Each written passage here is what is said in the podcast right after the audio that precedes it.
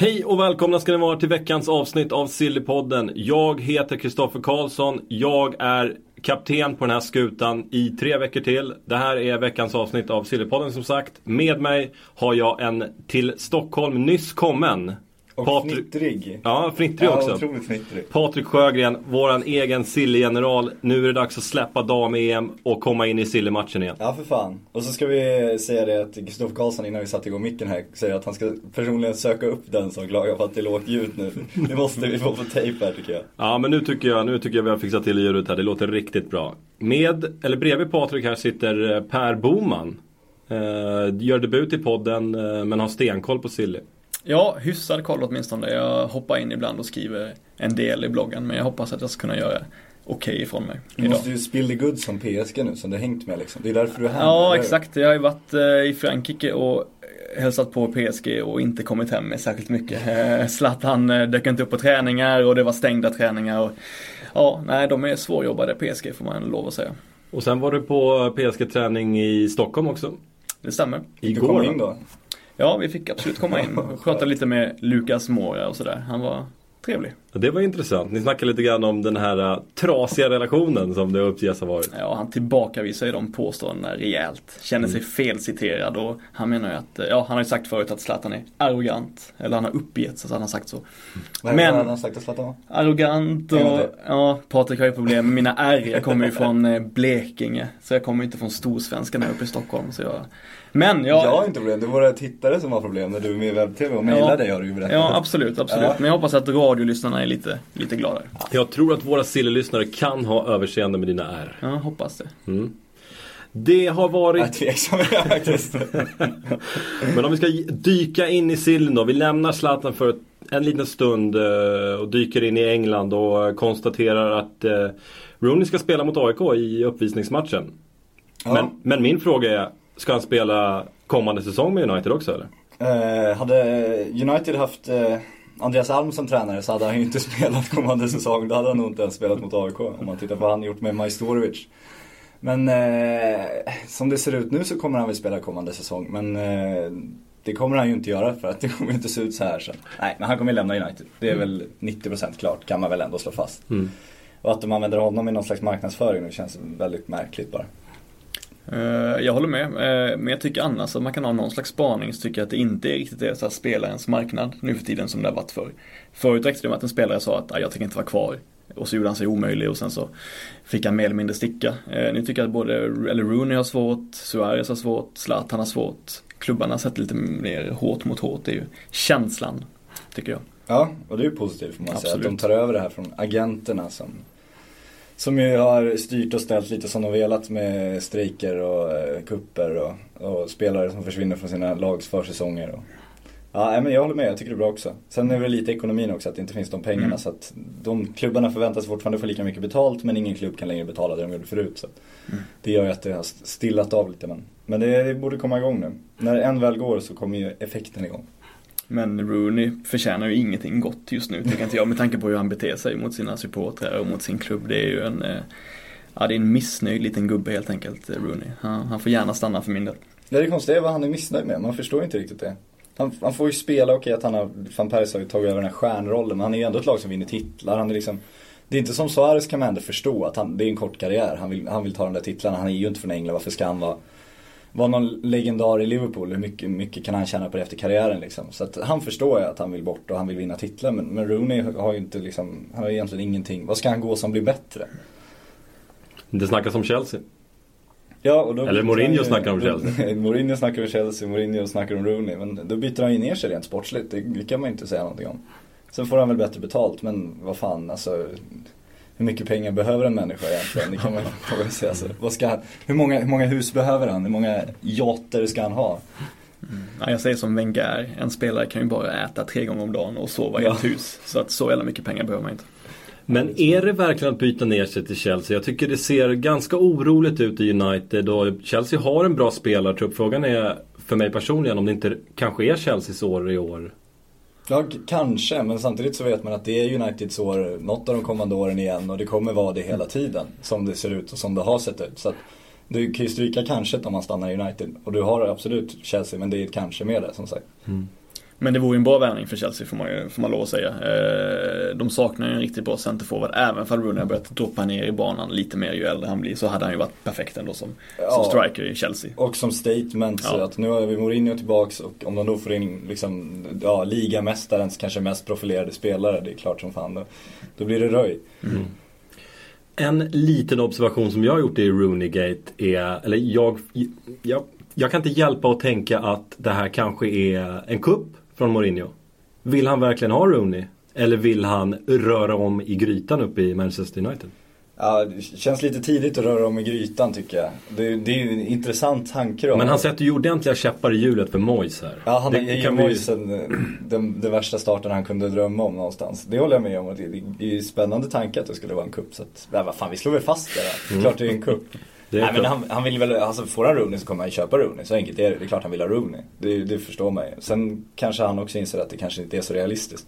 Och som du säger då så kan det vara en kupp dels för att störa Moise men också är det ju ett sätt att, att göra Rooney ännu mer omöjlig för United för att på så sätt få loss honom. Lite billigare förhoppningsvis och få loss honom överhuvudtaget. Mm. Så att han vill ju röra om i grytan så att, så att han kommer till Chelsea. Mm. För han säger att han vill ha Rooney samtidigt som han säger att jag är nöjd med de spelare jag har. Ja, det vore ju konstigt om man sa att han var missnöjd med spelarna. Då hade, då hade, då hade, kanske, inte, då hade kanske inte Bar och grabbarna varit helt nöjda med att komma till träningsanläggningen om, om Mourinho hade sagt att de inte var bra nog. Så Mm. Det där är nog vanligt lingo tror jag från tränarna. Ja, Det är väl som Juan Mata och David Luiz ryktet där, att de skulle få välja en av dem också. Det kan han ju inte heller säga officiellt för då går, går ner och tittar Juan i ögonen dagen efter liksom och Juan vet att ja, du vill inte ha kvar mig här, det är klart. Då får han ju en egen Rooney-situation helt plötsligt. Så det kan han ju inte säga utåt. Men om vi förutsätter att eh, Rooney lämnar i sommar. Vem ersätter honom i United? Ja, jag tänker väl att Kagawa kan väl gå upp i någon offensiv eh, bakom strikerrollen sådär. Eh, Rooney har ju inte spelat toppforward i, i eh, United just nu så jag tycker att de har hyfsad täckning ändå. Eh, ja, mitt, min gissning blir väl Kagawa helt enkelt. Men Jag vad händer vid en skada på Robin van Persie? Ja, men det, är- man ska, om man tittar bakom van Persie så har de ändå Chicharito och um, Welbeck, en engelsk landslagsman. Så att det, de har ju tre riktigt, riktigt bra anfallare. Om de då dessutom bara spelar med en riktigt renodlad forward så har de ju tre alternativ där. Och sen som du säger tror jag också de kommer ge Kagawa, Kagawa ett mycket större ansvar. Han var ju fantastisk Confederations tyckte jag. Och sen tror jag att de kommer söka den här centrala mittfälten. Det är där krutet ligger. Innan den är löst så tror jag inte det kommer in någon ny anfallare. Alright. Om vi kollar på Moyes då. Han har väl varit i jobb nu i tre veckor, någonting sånt. Onekligen en tuff start. Och jag börjar fundera över hur United egentligen har skött det här. Har de, har de hjälpt Moyes här eller har, har han blivit stjälpt av klubben i starten? Ja, jag, Borde de inte haft, kan jag tycka, kanske två, tre värvningar klara för Moyes att bara kliva in i? Han har ju onekligen... ledande frågor nu. nu bara... ja, det kan man ju tycka att han borde fått, men han har ändå varit i Everton, vad är det, sen 2003. Alltså han är ju hyfs, han är ju väldigt eh, erfaren. Eh, han har väl vetat rätt länge antar jag att han ska ta över United också, så han borde väl ha koll. Och nu, och han får ju möjligheten att söka spelare också. Han har ju kastat ut förfrågningar över Europa, över, över den här innermittfältaren som som man så liksom suktar över så mycket. Så jag tycker väl att David Moyes kan väl inte gnälla så mycket. Han, eh, han får nog eh, Ja, han får nog ta det att det är rätt svårt att vara tränare för United.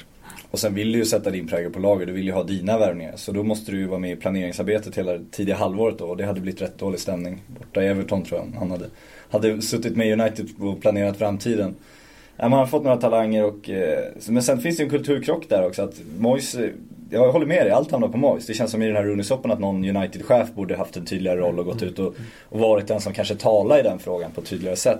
Samtidigt så har Sir Alex eh, aldrig velat ha det på det sättet. Han var ju den som tog alla frågor hela tiden. Och det är ju en kultur som finns i United. Och då är frågan om Moyes kan fylla de skorna. Och det kan han ju inte riktigt ännu. Det är ju tydligt. För han har inte den auktoriteten, han kan inte hantera på samma sätt. Han har ju gjort ett sämre jobb nu. Det är ju tydligt. Det är, de har ju problem. Det är ju ett litet kaos där. Och det har det ju sällan varit i United. Ja, man märker ju också att United inte har samma lyster heller hos de kontinentala spelarna. Eh, han har ju blivit nekad nu ett antal gånger och jag tror inte att Fabregas kommer komma till United heller. Eh, även om det är lite oroande för alla Arsenal-supportrar att han inte har dementerat det själv. Eh, har han inte gjort. Han har inte sagt någonting själv. Men, Han har ju sagt att han gillar United till sina engelska vänner enligt de engelska tabloiderna. Det där är en klassiker. ska man tro stenhårt på. Ja men det är bra vänner. Vänner ska man ha och ska Ja. man förlita sig på. Så är det.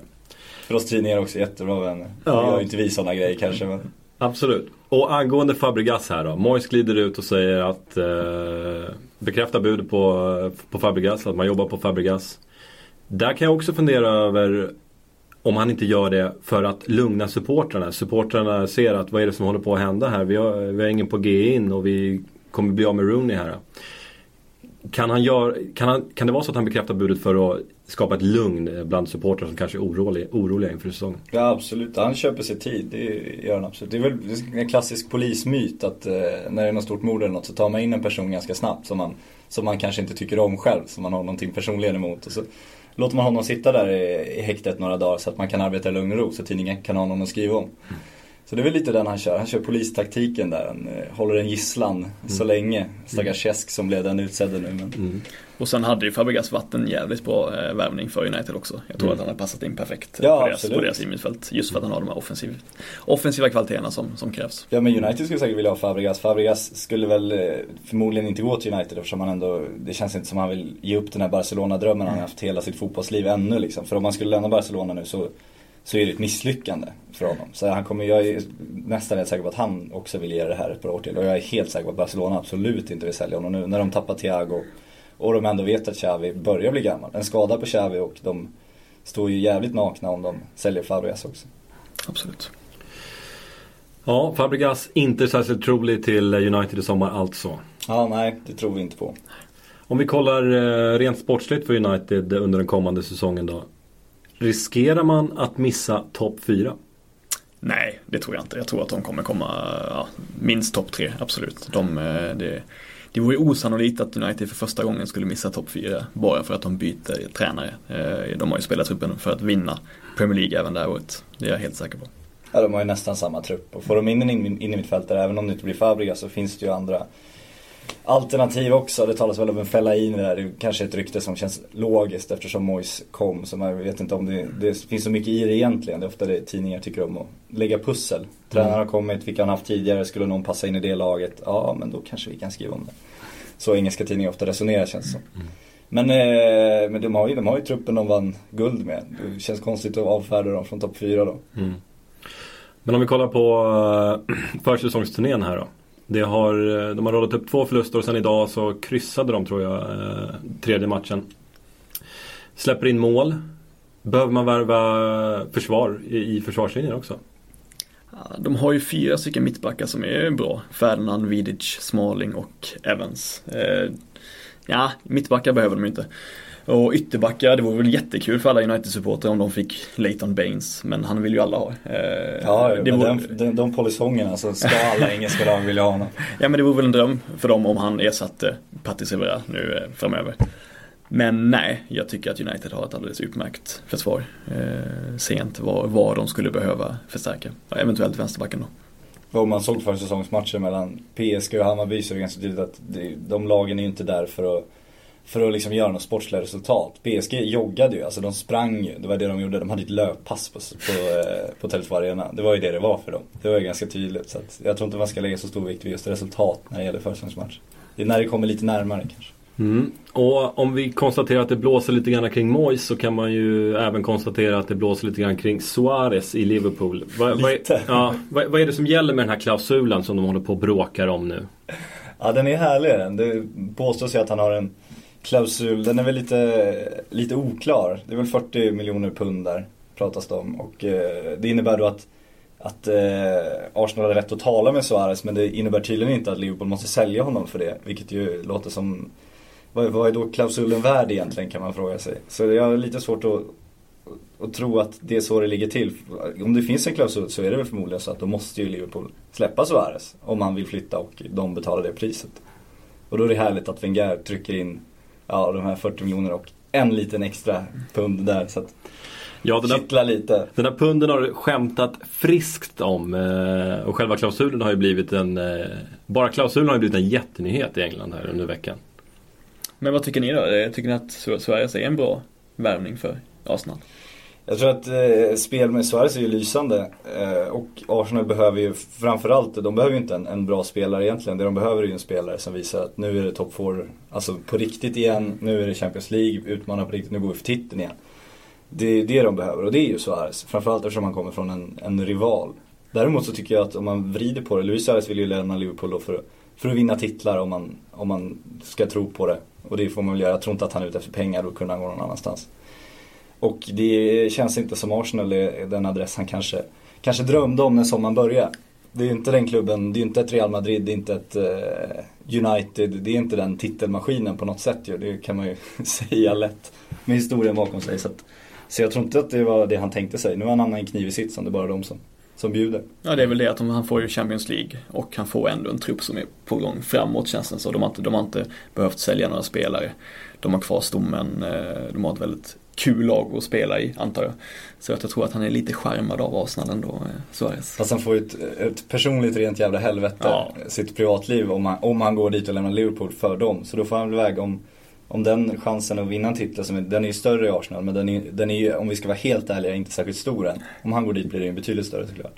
Men om det är värt det mot liksom vad som kommer hända kring hans liv i England Ja, det är intressant att hälften av Arsenal-supportrarna vill ju inte ha han dit heller. Ja. Såklart, så är det ju i alla fall de alla, alla Premier League-lagen som förutom Everton då, så vill ju, eller Liverpool, vill ju inte ha Luis Suarez. Det är ju för mycket bad will, är, han är för galen helt enkelt.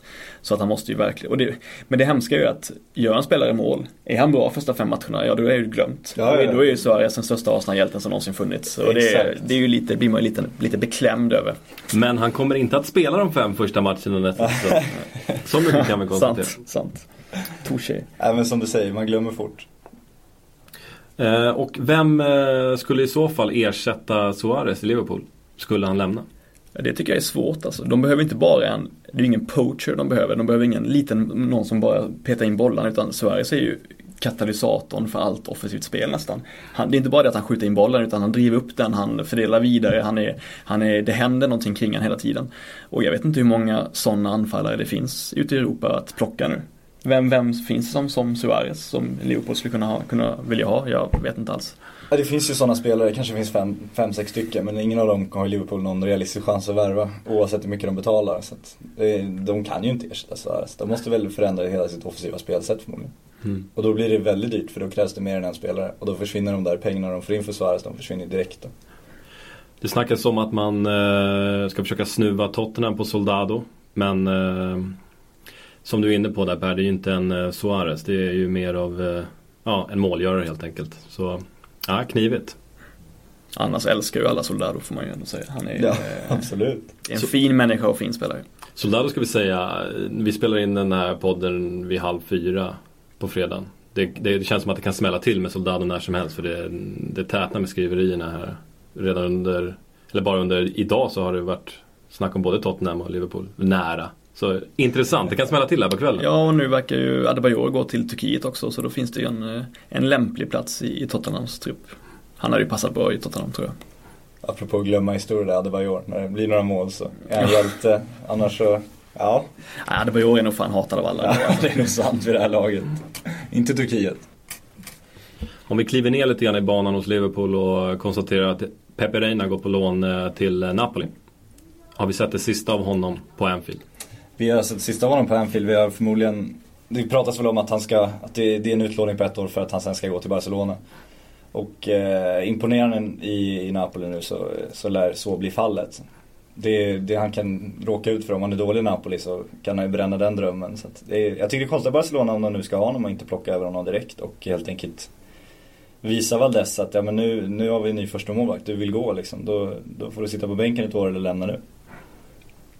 Grejen med Reina är ju att han är en sån total glädjespridare också. Han verkar ju vara en fantastisk figur som har alltid ställt upp bra när Spanien spelar i landslaget och sådär. Mm. Alltid den som festar mest efter gulden.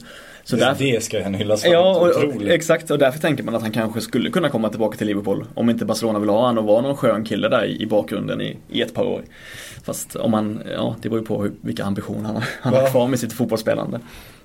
Ja, för han har kontrakt med Liverpool till 2016. Så ja, en dålig säsong i Napoli så kanske han får sitta på bänken de sista två åren där.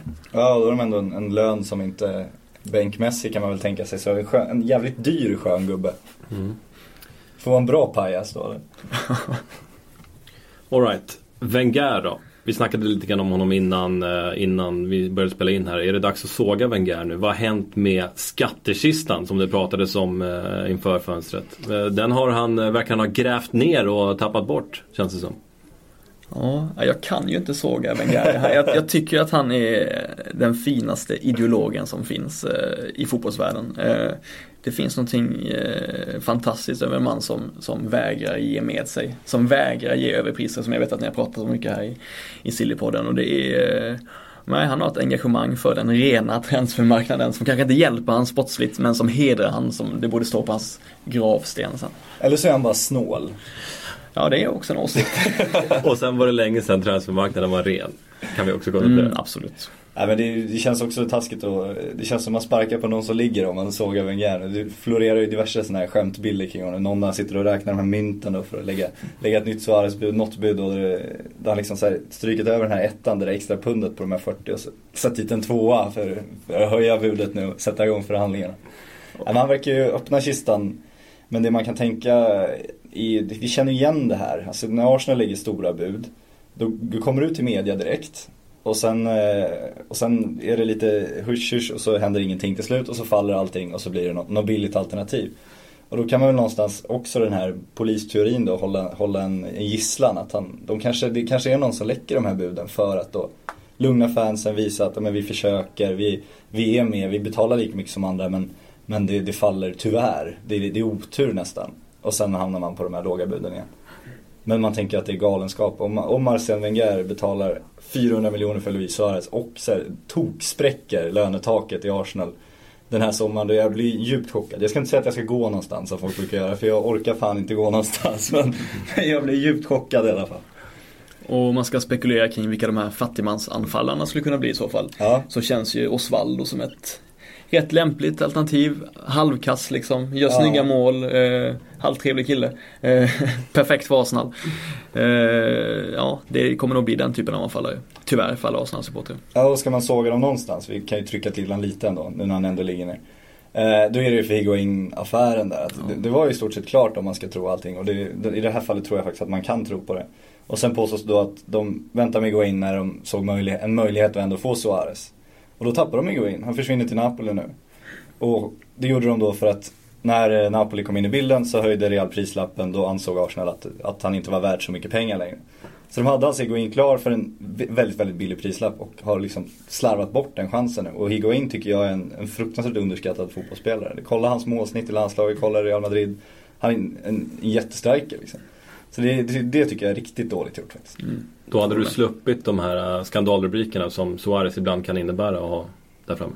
Ja, och då hade, men jag tänker tänk att de inte ens får Suarez. Och då står de utan Suarez och utan in. Och om de då tar in en, en Osvaldo eller ja, det är inte så att det kommer, kommer ge dem en, en ligatitel eller göra fansen sådär jätteglada. Jag ställer samma fråga kring Wenger som jag ställde om Mourinho lite tidigare. Vill Wenger ha Suarez? Jag var väldigt skeptisk till en början. Jag tänkte att det här bara var eh, ja, Eh, tidningsanka eller konstiga uppgifter men det verkar onekligen så att de har, ju, de har ju lagt två officiella bud och det framstår ju som helt eh, orimligt att Wenger skulle göra detta. Eh, man vill ju höra han säga att han vill ha Suarez för jag, för jag kan inte tro på det. Att lägga, att lägga så mycket pengar på en spelare som har det bagaget och Alltså, hade han, hade han kunnat köpa han för 200 miljoner just för att, för att han var så slarvig eller jobbig person, då hade jag förstått det. Det hade varit typiskt Wenger att köpa en, köpa en spelare som är jättebra men som har haft problem och därför blir billigare. Nu köper han en spelare som har jättemycket problem, som är jättebra, men som är jättedyr också. Och det är ju inte alls som Wenger. Men samtidigt, alla spelare har gått ut och krävt, eh, krävt en ny anfallare. Sagna har varit ute och vevat, Wilshire, nästan hela laget har sagt att vi måste värva någon. Och jag tror nog att Wenger känner sig lite pressad över det. Problemet kommer ju när, när han då tar lagets önskan, om man tar in Suarez, får honom och ger den lön Suarez kommer kräva för att gå till Arsenal. Då kommer de här spelarna, vad kommer de då säga om sina egna löner helt plötsligt? När någon eh, kille där uppe tjänar liksom, även dubbelt så mycket som dem. Då kommer han ju liksom, då får de göra om hela sin lönestruktur förmodligen. Det kommer att bli enorm press på klubben att höja deras löner och det är någonstans där kommer deras ekonomi, det här de jobbar för att passa in i Financial Fair Play kan ju riskeras. Allt det här han har, han har snålat till sig genom åren som han ändå har gjort bra. Så det blir en enormt stor risk också att ta in Suarez. Men som fotbollsspelare vore han såklart ett jättelyft men ideologiskt och eh, om man ser till dess ekonomi så känns det ju jättekonstigt. Och Arsenal ser ut att tappa, jättetapp i uh, Jervinho till uh, Roma. Hur återhämtar man sig efter en sån spelarpress? Sågningen. Ja, men, jag, jag, ja, men Jervinho är väl rätt underskattad. Jag tycker att han är en impact player som Kalle Karlsson skulle ha sagt. Eh, Varje gång någon tar in han i slutet av matchen, så, eller varannan gång, så gör han väldigt stor nytta. Han tar sig förbi två man, missar inlägget kanske, men han, han, han rör runt. Han var jättebra till exempel i Champions League, eh, vad är det, åttondel eller kvartsfinalen? Åttondelsfinalen mot eh, Bayern München. Då, I bortamatcherna gick han in och var jättebra. Han, han brukar göra det. Så jag hade, hade jag varit Arsenal-support så hade jag jättegärna haft kvar han i, i truppen. Ska vi bryta ner det precis? Han, han brukar vara bra, han är bra, ja, men i alla fall varannan gång han kommer in. Han kommer ju förbi spelare men ja, han missar ju inlägget.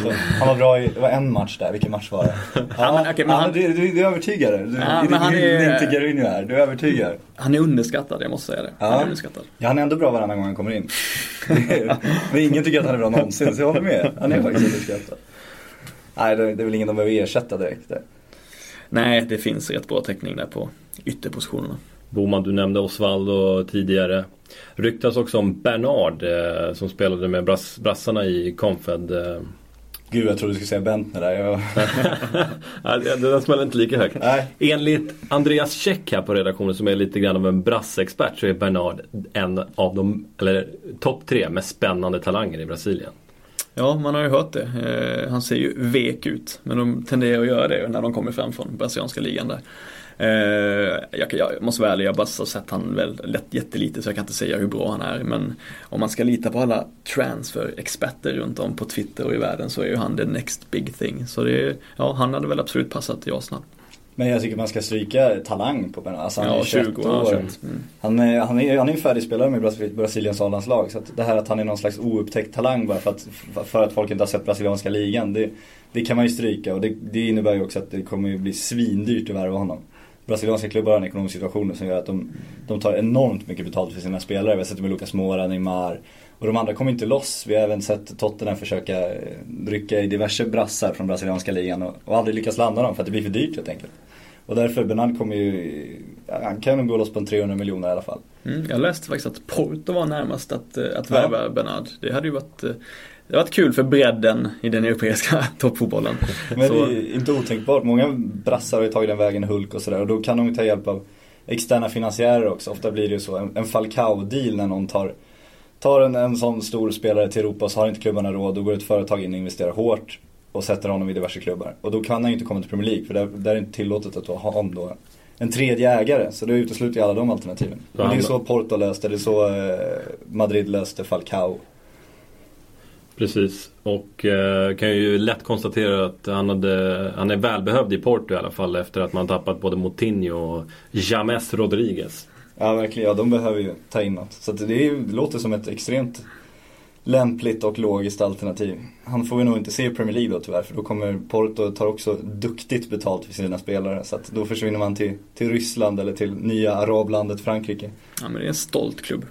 Porto fortsätter att arbeta bra. Väldigt imponerande klubb.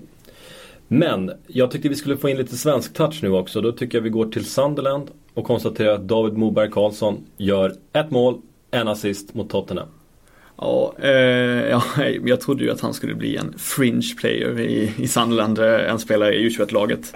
Det tror jag Kalles sig. anda vakar Ja, exakt. Han, jag han, han har ett sånt bra lingo. Nej, men jag, jag, tror ju att, eh, jag tror ju att David Moberg Karlsson inte kommer spela med en, eh, han kommer väl göra tre, in, tre inhopp kanske i, i Premier League.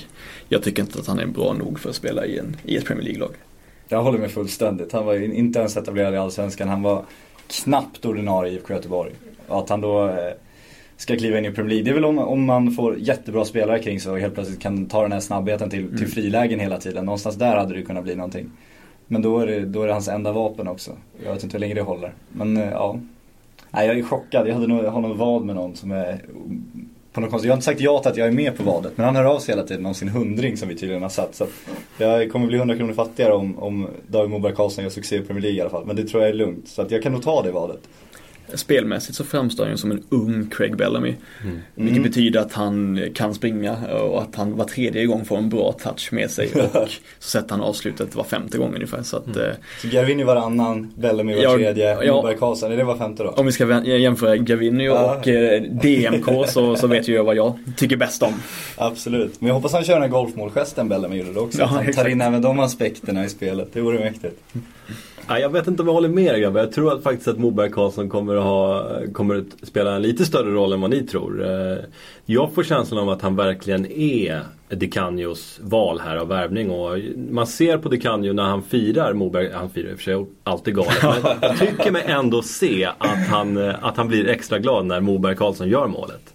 Och att det talar för att han, han kommer få chanser under säsongen. Och då, tack vare sin snabbhet, kanske rakar in en boll eller två. Ja, jag, jag tror han kommer lira Championship i år. Det tror jag. Jag tror han blir utlånad. Okay. Och kanske, ja men gör lite inhopp där och kanske, om man, om man lyckas där så kan det ju om två, tre år kanske bli, bli någon slags Premier League-spelare av honom. Men, men i år är det jättesvårt att se. Mm. Ja, men det som talar för honom är väl att eh, Sandland har rätt dåliga, en rätt dålig anfallsbesättning. Danny Graham är väl Premier Leagues stelaste anfall. Eh, så, så eh, även om han har gjort en del mål i, Swansea och sådär tidigare så, så är det väl kanske inte den, den farligaste toppforwarden. Bentner är på väg tillbaka, eller? Nej. Stelaste anfallaren. Nej men det är väl det, och han är ju perfekt inhoppsämne Moberg Karlsson är med sin snabbhet. Men ja, de, de ska ändå, om, man har, om de har de planerna för honom så vill de ju utveckla honom och då kommer han inte sitta på bänken en hel säsong för då kommer han inte utvecklas. Så att, antingen kommer han spela hyfsat regelbundet eller så tror jag lånas ut. Men Sunderland då som var indragna i bottenstriden under den gångna säsongen. Jag tycker de har värvat jätteintressant. Vi kan kolla på namnen här. Förutom Moberg Karlsson så har man även plockat in Josie Altidore, man har plockat in Giaccherini, Manone och Diakité. Ja, utmärkta värvningar allihopa skulle jag säga. Vad tror ni om det kan Kan han lyfta det här laget? Men du kan backa det här ett år och så, om vi satt där förra sommaren och kollade på Sunderlands värvningar så har vi inte exakt samma sak då, även fast vi inte hade någon podd då. Men det var ja. också spännande värvningar och det var imponerande. Och... Ja, men det var en manager som eh, lite överraskande inte, eh, inte fick det genomslaget som man kanske trodde. Ja.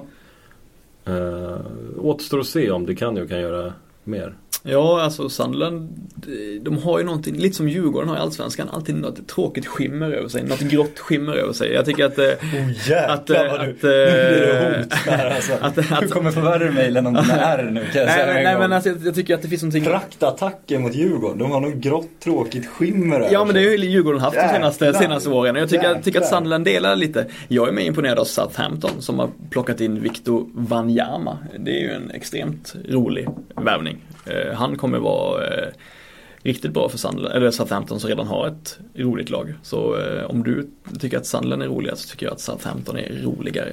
Kan inte du skriva upp på dina papper nu bara att du ska ringa Niro sen bara och skydda din hemadress och sådär. Det kanske är en bra idé nu. Intressant med Wanyama som ju var på väg till diverse storklubbar om man skulle tro pressen i januari. Därför jag håller med om att det är en jättebra värvning. Mm, riktigt dynamo alltså. Ja, nu, nu, har man ju mest sett han i de här Champions League-matcherna men där var han ju väldigt bra. Han var väldigt bra mot Juventus, han var väldigt bra i, under de flesta matcherna. Mot Helsingborg också. Oh. till, till, exempel. Men, men eh, ja, det var konstigt. Det kanske har hänt någonting som man inte riktigt vet om där vi, att de andra har tappat liksom, eh, att de inte jagar han längre. Men ja, jag tycker att det är en av de bästa värvningarna än så länge. Ett mittellag har gjort i, i Premier League. Sen är det också, det är skillnad på sommar och vinterfönster ska man också säga kanske. Att om du ryktas i storklubbar i ett vinterfönster, det är, det är ofta desperationsvärvningar. Då är det inte så många spelare som finns fria liksom. Så att han är en sån kille då. Så då hade han kanske eventuellt kunnat hamna i storklubbar, nödlösning då. Men på lång sikt tror jag inte att han är, är, är deras liksom val. Så det är nog ett mer, en mer lämplig övergång det här. Men det kan bli väldigt bra, det håller jag med om. Manchester City, har de värvat klart eller? Jag, jag, jag vidhåller av någon konstig anledning att de måste ta in en anfallare till. Jag, jag, tror det och jag tror att de framförallt måste ha in en stjärna till. De behöver sin, sin star player, sin tröjförsäljare. Och de har inte riktigt ersatt TVs på det sättet. De har inte ersatt Balotelli på det sättet. Som på marknadsmässigt var deras två kanske, eller två av de starkaste spelarna. Så jag flaggar för att det nog är någon, någonting på gång fortfarande. Ja, och Pellegrin har ju sagt att vi kommer ta in fler spelare. Så det, det får man ändå räkna med. Och eh, ja, Negredo är väl en kompetent avslutare men det är ju inte den här tröjförsäljaren som du nämnde. Nej, det känns också som ett, ett grått skimmer över sig. Även en storspelare men absolut inte, inte den profilen. Och City, deras marknadsavdelning tycker jag vi ska passa på att berömma. De jobbar stenhårt med YouTube och filmer inifrån laget och använder Guidetti mycket där bland annat av någon anledning. Kanske den enda som ställer upp. Ja, man kan ju kolla på hela den här i spelartunneln inför matchen. Mm. Under halvtid och efter matchen så sänder ju Manchester City eh, ja, från spelartunneln så man får se lite hur de pratar inför och sådär. Ja, det är väldigt trevligt. Men det är väl också en, om man ska dra in financial fair play och, och eh, silly season i det här att City har ju köpt en massa för att bygga en klubb som på sikt inte ska behöva köpa. Och det viktigaste då är att bygga upp sin, sin marknadsandel, alltså bygga eh, sitt intresse i Asien och Europa och skaffa fans och liksom dra in pengar till dem.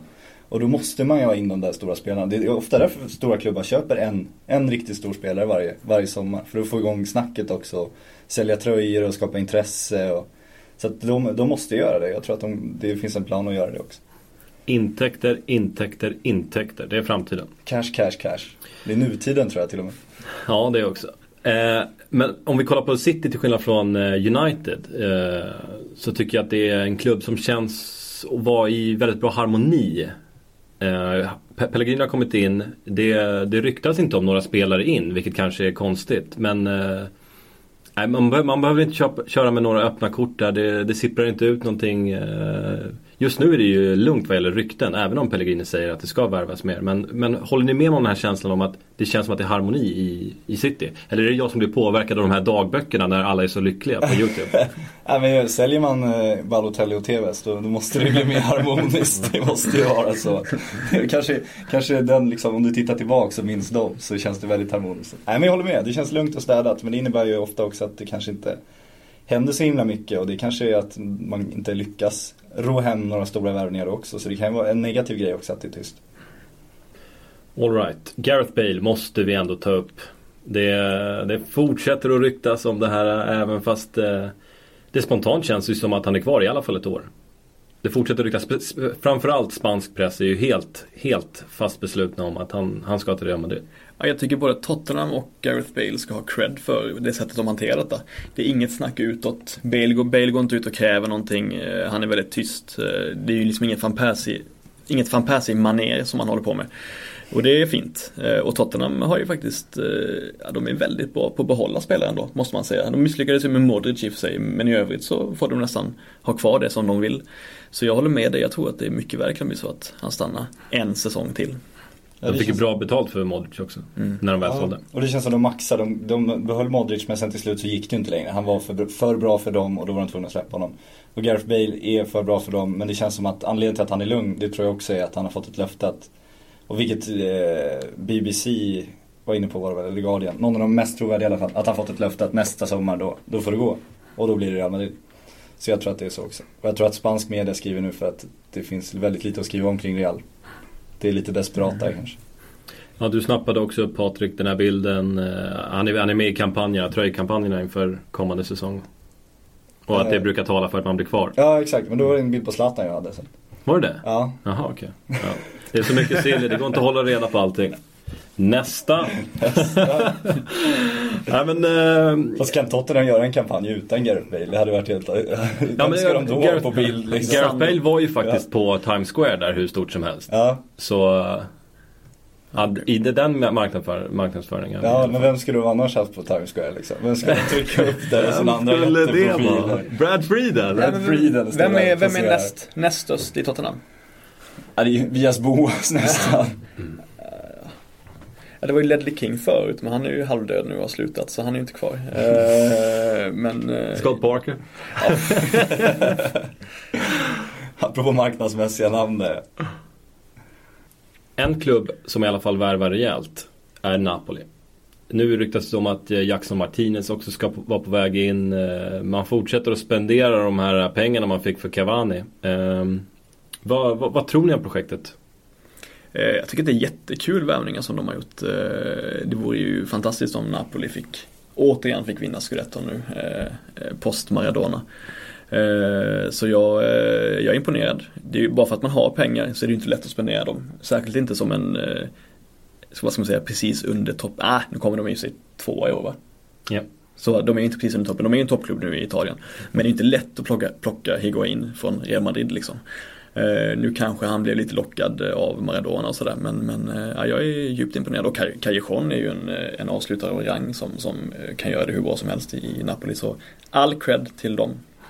Ja, det man blir lite orolig över tycker jag, det är att det känns som att de fick massa pengar och sen så känslan är att de har tittat vilka spelare är lediga och så har de bara lyft in en efter en. De har Reina på lånet och det är inget långsiktigt byggande. De tar ju in för att han var ledig känns som. Frågan är hur mycket tankar det finns bakom värvningen. Eller om de bara plockar det de kan nu. Och, och de fick ju gå in för att de, de betalar väldigt, eller de betalar mer än Arsenal var beredda att göra.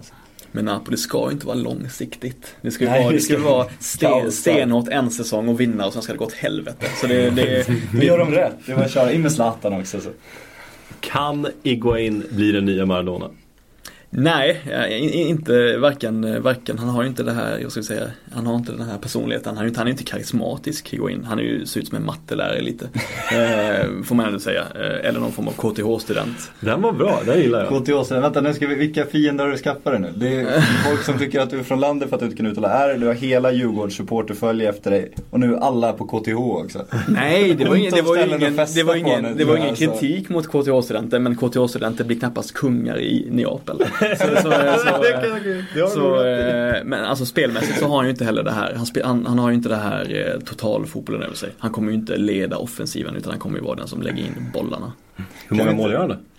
Ja, nu är det ju Serie A så det är alltid svårt att göra mål men han gör ju 25 mål. Han gör det. Mm.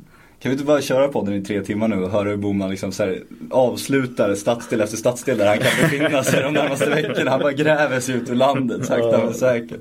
Får passa det så att inte åker på stryk. Ja, det är farligt nu.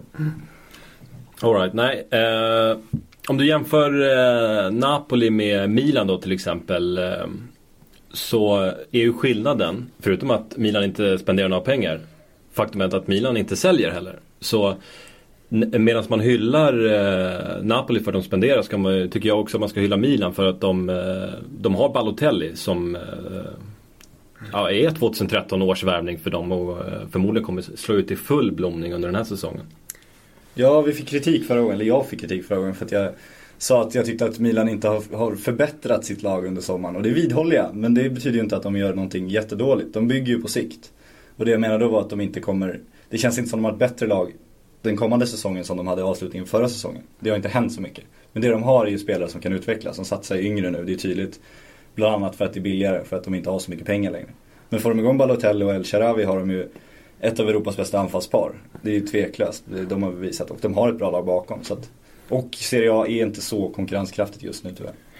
Det finns ju någonting bitterljuvt i att se Milan står med mössan i hand och försöker få Honda så fort som möjligt. Mm. Kan vi inte få han nu, snälla? Och så går det inte riktigt. Eh, det är man inte van vid att se nej, Milan nej. har de problemen. Eh, och det är ju kul att Berlusconi får lida såklart. Men, men, men det är tråkigare för alla, alla Milan-supportrar. Ja, var det han? bara får ju lida. Hon var ju tvungen att sälja, sälja ja, sin kille. Mm, absolut. Stackars flicka. Vad jag har förstått vad gäller Honda-affären så är det någonstans mellan en miljon euro och fyra miljoner euro som behövs för att få Honda den här sommaren. Men det är man inte riktigt eh, redo att punga upp utan då, då vill man kanske vänta till januari. Det är ganska lite pengar ja. om man jämför med, med ett Milan i, i fornstora dagar. Är han en Mr X är ju frågan. Sällan har ju ett, sällan har ju ett positivt begrepp förlorat allt positivt värde som, som Mr X-begreppet. Eh, men han känns väl ändå som en Mr X-spelare, Honda. Lite eh, rolig. Jag tycker han är för billig för att vara Mr X. Alltså det håller jag med Sportsligt tycker jag det vore en sjukt intressant värvning. Men Milan kan ju inte värva, alltså Mr X då, Marek Hamsik. Det, det, är bara, det är suspekt hur, hur stort fallet var. Då hade de Thiago Silva, de hade Zlatan, det pratades om en Mr X de skulle ta in. Det var ju Hamsik de trodde att de hade klar. Det var ju ett skapligt av de hade på gång då. Sen eh, föll Berlusconis aktier där på börsen mm. och det blev kris. Och det säger en del om att de inte kan, kan få loss Honda heller. Samtidigt så brukar Milan vara bra, likt Arsenal kanske, lite mer frikostiga ibland. Men de håller ganska hårt i plånboken. De försöker ta spelare och inte betala överpris, vilket gör att de ofta väntar till spelarna i 34 år innan de tar in dem. Sen har det hetat lite grann också att man vill vänta på den här playoff-matchen i Champions League. Ta sig in där, ta sig över det hindret innan man kan eh, Ja då har man öppnat lite grann för en Mr X där och då, okay. då finns det ju kort som eh, kanske ett, en Kaká in. Mm. För äh, även om Ancelotti har kommit till Real Madrid så känns det väl lite grann som hans dagar är räknade i den spanska huvudstaden, eller? Ja, alltså det vore ju fint med Kaká i, i Milan men jag är ju tveksam om man hade liksom gjort Milan bättre. Det tror jag inte. Han är ju ingen startspelare där heller, tror jag inte Kaká. Nej, nej, jag håller med. Eller jag tror att han... Nej, Han är jag, nog, jag, jag skulle hålla honom som startspelare i Milan. Han joker skulle jag säga. Han skulle ju starta i början. Sen, sen är frågan om han skulle behålla sin plats där. Sen tror jag att han stannar i Real igen. För att han har ju suttit där på bänken i två år nu och tjänat sina pengar. Han har ju en enormt hög lön. Han är väl näst bäst betald i den klubben efter Ronaldo. Och man, han har ju haft chanser att gå tidigare men sagt nej då för att han inte, han får ju inte samma lön någonstans. Och pengarna är uppenbarligen väldigt viktiga för Kaká just nu. Så att jag tror han sitter nog ett år till och räknar sina pengar där och köper sina yachter och sina hus och Ja men det bästa med Kaká just nu är ju inte hans fotbollsspelande, det är hans Twitterkonto. Ja, det är Eh, För någon bra. vecka sedan la han upp hur mycket han älskade Legoland i Danmark. Det tycker jag är ett bra tecken på att han har prioritering, prioriteringarna på rätt ställe så att Men, säga. var det inte Real som sa det också? Men Kaká är en av, en av världens bästa spelare. Han har ju flest följare på Twitter. Det tycker jag är otroligt bra. Det är ju genialt. Ja, han är rolig Kaká. En annan Mr X, Javier Pastore, PSG. Som jag tycker har sett jättebra ut här under eh, försäsongen. Pigg ut. Ja, han är väl en av världens mest eleganta fotbollsspelare. Det måste jag ändå säga att jag såg när PSG tränade. Då hade han sina shots extremt högt upp, så här, uppvikta. Och bara lekte med bollen som vore han Zidane. Så eh, ja, jag älskar Javier Pastore. Jag tror att han har varit en jättebra förstärkning för Milan. Motsatsen till damlandslagets Lisa Dahlqvist som alltså har häng när hon Ja, just det, just det, just det. Det är ett underbetyg faktiskt. Ja, verkligen. Nej men, men eh, Pastore absolut, men frågan är vem som har råd att, lösa honom från PSG. Det tror jag, Milan. nej. Ja, kan säga inte, säga, man ska aldrig säga aldrig. Klarar de Champions League-platsen där så... Ja men det är om de eventuellt pungar ut en transfersumma, men sen ska den lönen in där också. Och det är ju där de har, har bantat utav bara, ja, ska inte svära igen, vilket jag gör hela tiden. Men nej men de kommer ju inte betala hans lön. Och jag tror inte att Pastore går till Milan och, och får sämre betalt nu. Jag märkte att Pastore har ju klippt sig precis som Zlatan. Eller har, är jag fel ute? Och Andreas Käck på vår redaktion. Andreas Käck är lik Erik Johansson i Malmö FF. Ja. De är exakt likadana. Men om, vi- om vi ska lämna de eh, redak- redaktionella. om internhumor Ja, exakt, exakt så har vi ju, eh, ja han, har- han har samma frilla. Lite kortare hästsvans. Eh, ser lite bättre ut får man säga, än Zlatan. Fast Men han annars ser är det precis samma bra grej. Det är en Ja. hästsvans med rakade sidor. Men mer raka tycker jag att det är. Och lite mer tofsaktig än hästsvans. Eh, Men vad är det för strandraggare? Upp med shortsen, den där Han hästsvansen. passar. Alltså, han är ju som den där äckliga killen i någon spansk film som liksom kommer in lite svettig med någon liten mustasch och bara ska- ragga på ett väldigt osympatiskt sätt. Jag tycker han kör helt rätt estetik. Där Eh, håller jag med Boman helt och hållet. Jag gillar tycker, den att- jag, strandraggargrejen? jag alltså? tycker att Pastore ser supersnygg ut. ju. Du skulle säga att Boman håller på att spara sitt hår och och kör keps nu. Han sparar ju sitt hår där under också, för att Jajamän. övertyga dem. Så det blir fler eh, pastorer på redaktionen och Andreas Kex. Ja, det blir en trend. Härligt. Juventus då? Färdigvärvat eller? Ja, de klarar sig med det de har. Eh, Juventus, eh, alltså hade de inte åkt ut mot Bayern München i Champions League så hade de mycket väl kunnat vinna Champions League. Jag tycker att de har en superbra trupp. Eh, extremt bra backlinje. Fullmatat mittfält både på kanterna och på innermittfältet och sen har de ju typ sex anfallare nu också. Så, så eh, nej, Juventus, eh, det snackas ju om Kolar på, på vänsterkanten och han är väl en, en bra vänsterbreddare som kan hålla hela den linjen om de väljer att köra med en trebackslinje. Men annars tycker jag att de kan sitta lugnt i båten. Ja, de saknade en riktigt bra anfallare förra. Det var det enda det kändes Ja. som de saknade. Annars var de perfekta liksom som lag. Och nu har de det också i Carlos, Mm. Carlito.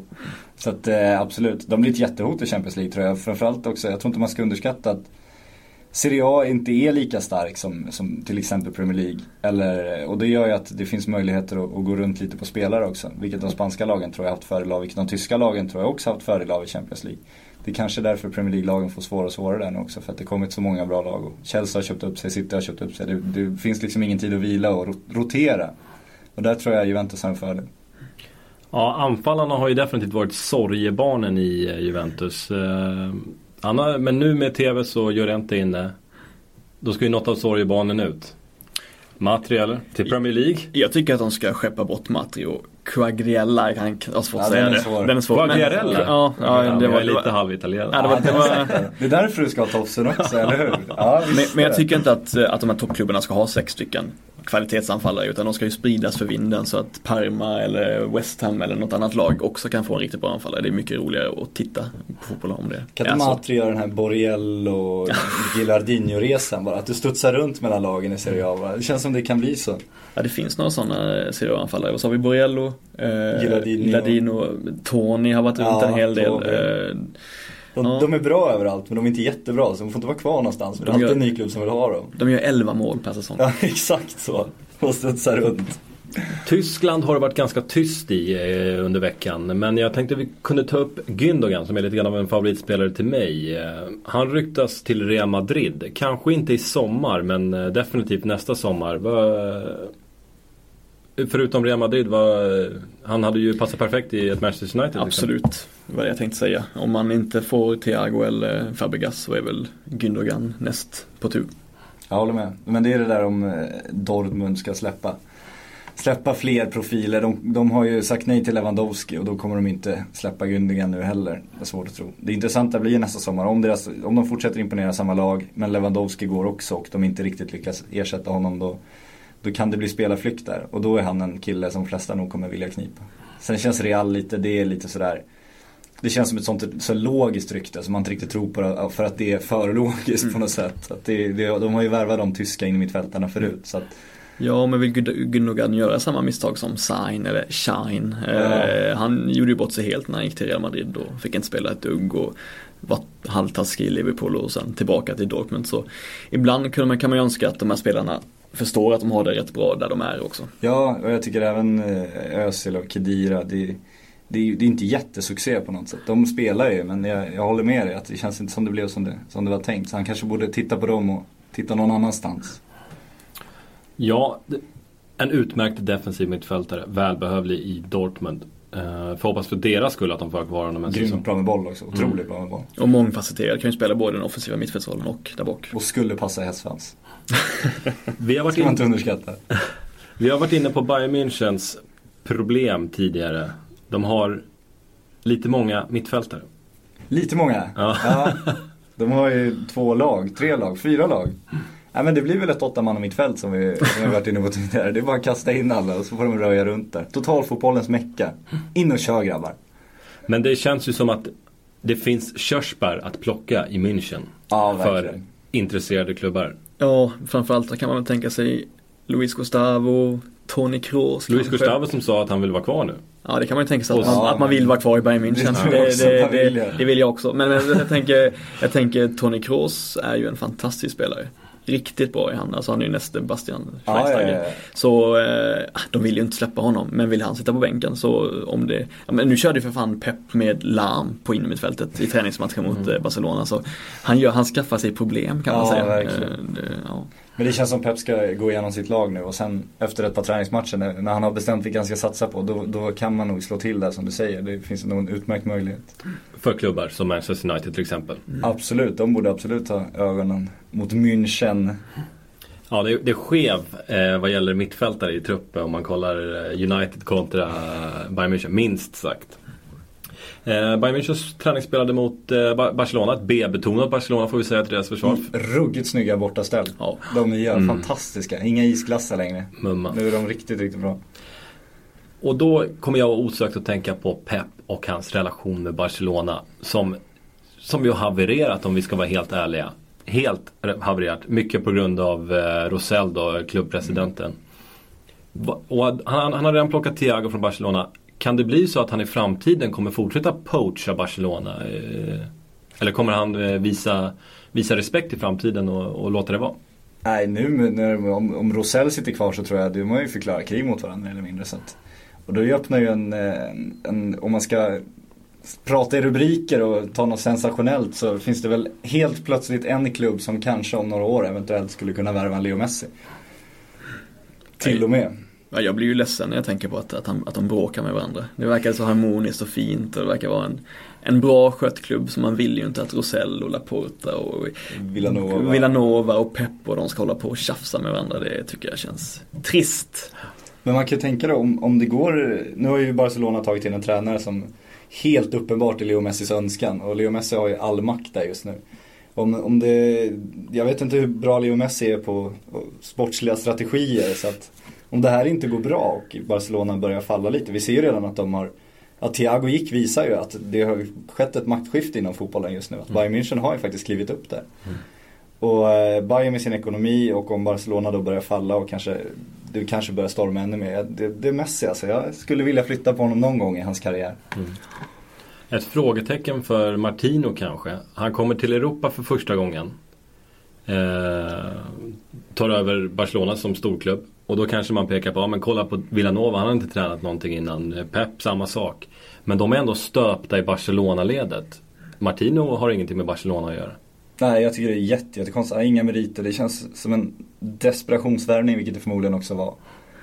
Eh, och jag, jag, det, jag vet ju ingenting om hans fotbollsideologi och hur han tänker spela. Och inte en aning. Men just det här att det känns som Messi har liksom bestämt det här nästan. Det gör ju att det, det ringer så mycket varningsklockor så det finns inte. Barcelona informerar ju i alla fall dig om att han är en älskare av offensiv fotboll. Ja, Tydligt. Ja. Men de tar ju inte in någon Fabio Capello i Barcelona. Det kan jag också förstå. Och jag tror inte Messi skulle ringa någon defensiv coach heller direkt. Det som är kul är att Messi tog ju illa vid sig. Han gick ut nu häromdagen, igår tror jag och sa att Alltså jag har inte sagt att jag vill ha han hit. Jag har inte sagt det. Här, bara för att han, lite som på skolgården liksom. Ja. Man, man vill inte vara för bra kompis med läraren typ. Så, eh, men eh, självklart så är det så att Messi har fått han till klubben. Läraren var Higuain eller? Just det. Eh, om vi ska kolla på, jag lovade tidigt i avsnittet att vi skulle återvända till Zlatan och då gör vi det. Lekip menar att det är 99,9% säkert att han blir kvar i PSG. Håller ni med om att det är så stor chans att han blir kvar? Ja, 90% skulle jag säga. Ja, 90%. Jag tror att om det kommer ett, ett bra sent bud så tror jag PSG kan tänka sig att sälja och som vi säger, jag tror Zlatan vill lämna. Men just nu, som det ser ut idag, så tror jag inte han har några andra alternativ. Sen hedrar honom att han säger, jag måste prata med Nassir. Alltså, pratar om klubb, han som äger klubben, han som nästan äger Qatar mer eller mindre. Han är liksom den närmsta Qatars kungafamilj. Det är liksom, Zlatan är Nassir med honom. Förnamn bara. Ja, alltså men om någonting pekar på det så är det väl eventuellt då att han verkar inte ha den bästa relationen med, med Blanc.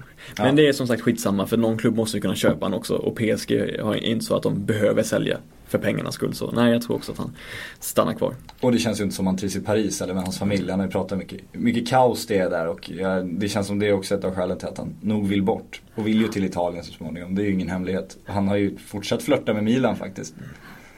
Men det är inget vevande i pressen alls. Raiola ju, har ju inte sagt ett dugg på några, någon månad va. Eh, Nej. Och Zlatan säger ingenting själv heller. Och det, så brukar det inte vara om han skulle vilja. Det var i början av sommaren, då sa han ju, då, då sa han i princip att han ville lämna. eh, Ja. Fast i förtäckta ordalag. Ja. Nu säger han ingenting och det tyder väl på att han kanske stannar då. Fast jag tycker också att han säger Nasser då, om vi ska analysera Mm. att han använder förnamnet. Det är ju en tydlig maktdemonstration mot PSG också, vem det är som bestämmer att de är inte större än honom, han är lika stor som, som klubben. Eftersom man, man ska nog tänka, jag tror Zlatan är fullständigt medveten om att han kör förnamnet där och jag tror att han har tänkt ut innan han gått till den presskonferensen att det här är det jag ska säga, det här är det budskapet jag vill få ut. Vilket han har varit otroligt duktig på tidigare somrar. Han kanske vill höja lönen också, som någon slags belöning. eh, För att, Så för att han inte får lämna. vara. Det känns som att det kan vara något sånt som han suktar efter också. Ja, det påstås ju att Thiago Silva fick några miljoner Mm. mer för att stanna. Det kan ju vara det Zlatan absolut gör också. Men det är, det är, det är lite skillnad mellan honom och klubben, det är tydligt just nu.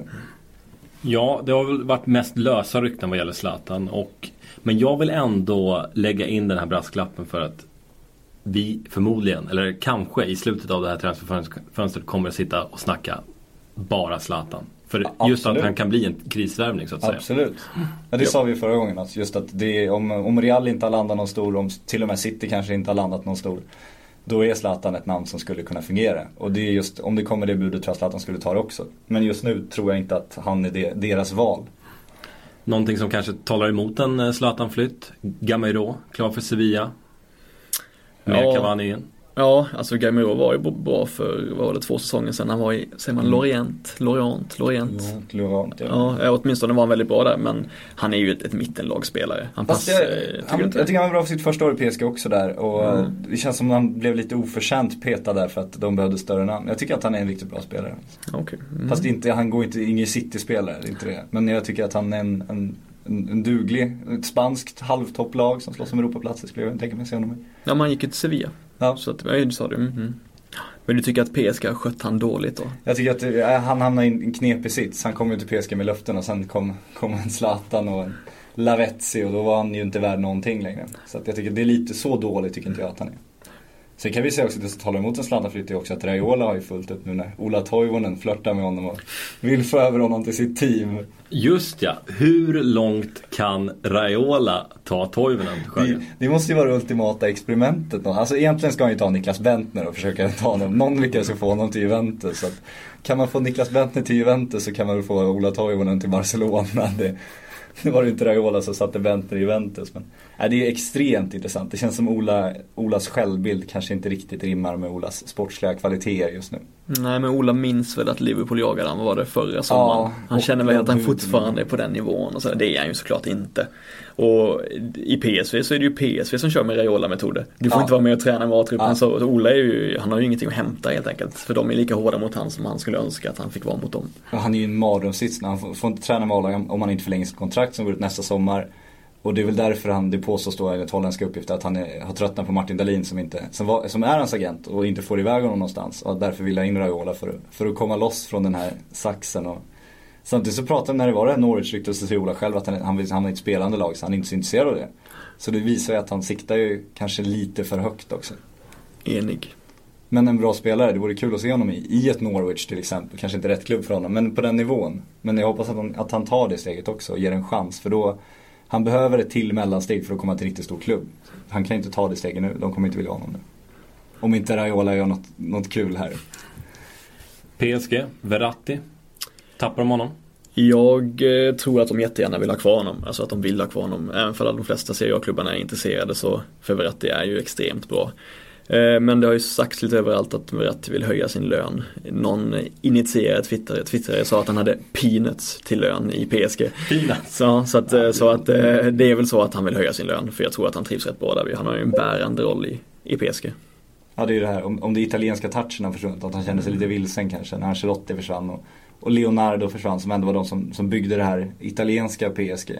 Det är ju det som skapar rykten också förmodligen. Men jag tror också att han, han trivs bra, han fick ju mycket speltid, han gjorde det jättebra. Så att, men det är klart, det är ju som den här sitsen som, eh, som Arsenal riskerar att hamna i. Verratti tittar ju också på sina lagkamrater. Jag spelar ju lika mycket som dem liksom. Varför ska de ha så mycket mer pengar? Då vill jag också ha det. Om Arsenal tar in Suarez, då är ju då de andra kommer börja gnälla också.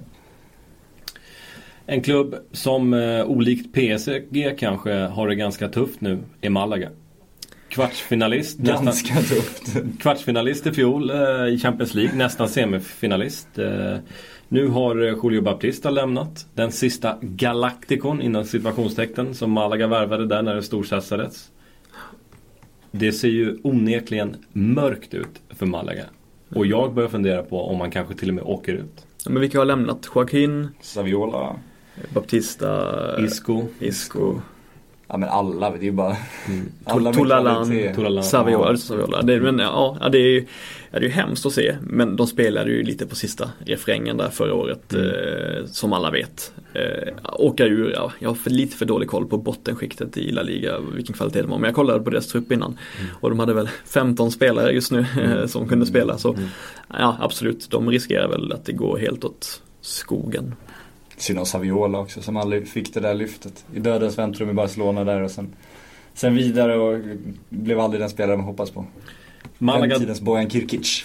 Malaga dansade en sommar. Vad tyckte ni om den dansen? Ja det var ju fantastiskt. Eh, Hade det inte varit alltså, att de mötte Dortmund som också är väldigt sympatiska så hade du gärna sett att Malaga ja, tog sig ännu längre i Champions League såklart. Alltså, Det är ju jag under, underdog, det är alltid bra. Fast jag, jag förstår inte det här. Alla, alla är så charmade av Malaga och det är underdog och det är, de visar att det är mindre klubb. Men det, är- det, de är precis lika mycket köplag som sitter. Precis lika mycket köplag som Chelsea. Precis lika mycket köplag som PSG som folk hatar då. Jag förstår inte riktigt, jag tycker det är dubbelmoral det där. Ja men de har ju inga pengar igen, de har inga pengar Nej, kvar. Det nu, ja men det var ju, det var ju, byggde jo, lag exakt. Med de pengarna, med liksom en jävla supershake de också liksom. Jo, Men men- i slutändan handlade det ju om spelare som spelade utan lön för varandra. Inte för den här skoja, skojaren Alltså de spelar ju inte för varandra, de spelar för sina karriärer för att kunna lyfta sin lön nästa år när de får en super sign-on bonus när de går till Real Madrid. Det finns inget spela för varandra. Det är precis lika mycket pengar, precis lika smutsigt. Nej, jag får Vilket- bilden av ett harmoniskt Malaga där nere på Solkusten. Det får jag. Jag är än en gång på KKs sida. Men får varför stannar de inte då om de spelar för varandra och det är så härligt? Varför drar alla så fort de får chansen nu? För det börjar med Vad en. händer med det mysiga börjar med Malaga? en. Det börjar med en och sen så blir det bara fler. Ja men då får vi hålla ihop då. Och Alta- får göra som vänner-casten där och löneförhandla tillsammans. Det var ju så mysigt i Malaga, det var ju så härligt. Altania har bestämt sig för att göra av med de här lönerna och då är det bara, då, då får man lida. Köpklubb, köpklubb, köpklubb. Nej, Slakta det där nu. Nu är du ute och cyklar Sjögren, Nej. nu klipper vi det här. uh, Iguain ut från Real Madrid. Kommer man att ersätta honom eller lita till Alvaro Morata? Spännande anfallare. Ja, det snackas ju om det. Eh, jag tror att de kommer försöka få någon till. Eh, eh, hur bra Morata än är så, så räcker det väl inte med Benzema va? Ja, de hade väl problem förra året. De, de, hade, de spelade med en anfallare och så hade de två lite för bra anfallare. Iguain är för bra för bänken, så enkelt är det. De kan inte ha kvar honom på bänken. Så att, men jag håller med, de behöver, en, de behöver någon som kan vara okej med att sitta på bänken men är tillräckligt bra för att hoppa in och avgöra för ett Real Madrid. Det är inte helt lätt. Nej, det är en väldigt svår, svår lösning att hitta. Eh, ja, men jag hade tyckt att en sån som Jovetic eller någon sån här kille hade kunnat acceptera att spela 25 matcher eller sådär, inte spela hela tiden. Ja, kanske. Men han är ju körd så eh, jag vet inte riktigt vem de ska hämta in. Nej, Benzema tycker ju att man inte behöver hämta in någon. Men det kanske man kan förstå. Ja, men de behöver ju en Galactic också som vi pratat om och det, det kan ju bli på anfallssidan så har de samma situation igen. Om de, men eh, någonstans ska den där Galacticon in också. Det, det är inte jättemånga platser men det finns en anfallsplats. Kanon grabbar. Det är fredag. Sillypodden är avslutad av mig här och nu. Per Boman ska skydda sin hemadress, flytta ut Ja. från, byta stadsdel. Jag vill ju revidera Inte besöka Det, här- det, här var ju, ikväll, det här var ju ingen kritik mot Djurgården som förening. Men, men laget Djurgården, laget Djurgården har ju definitivt varit grått de senaste fem åren. Det tror jag alla håller med om. Här backar han. Nej, nej, nej, nej, nej. Fegis. Det är som vårt TV Nyansera bilden. Vårt tv-inslag från Tele2 Arena som Mimmi Åklund. Jag antar att hon också har några Djurgårdare efter. De går in i Djurgårdens omklädningsrum och liksom beskriver det som ah, lite dyster, 2 plus. Går in i Hammarbys. Mycket ljusare och fräschare och sätter Tre 3 plus. Det är sjukt. Nej men kanon att ni kom in grabbar. Ni får eh, ha en trevlig helg och fortsätta njuta av sommaren. Och jag kommer fortsätta att kalla in er oavsett om ni är lediga eller inte. Per Boman och Mimmi får njuta av sommaren på Söders Mm. stadsdelar. Ja, där kommer ni undan. Nej, ni, eh, ni ska ha stort tack för att ni kom in och eh, tack så mycket ni som har lyssnat för att ni fortsätter komma tillbaka och fortsätter, fortsätter att begära nya avsnitt. Jättekul när ni kommer med frågor och synpunkter. Tack för oss, hej!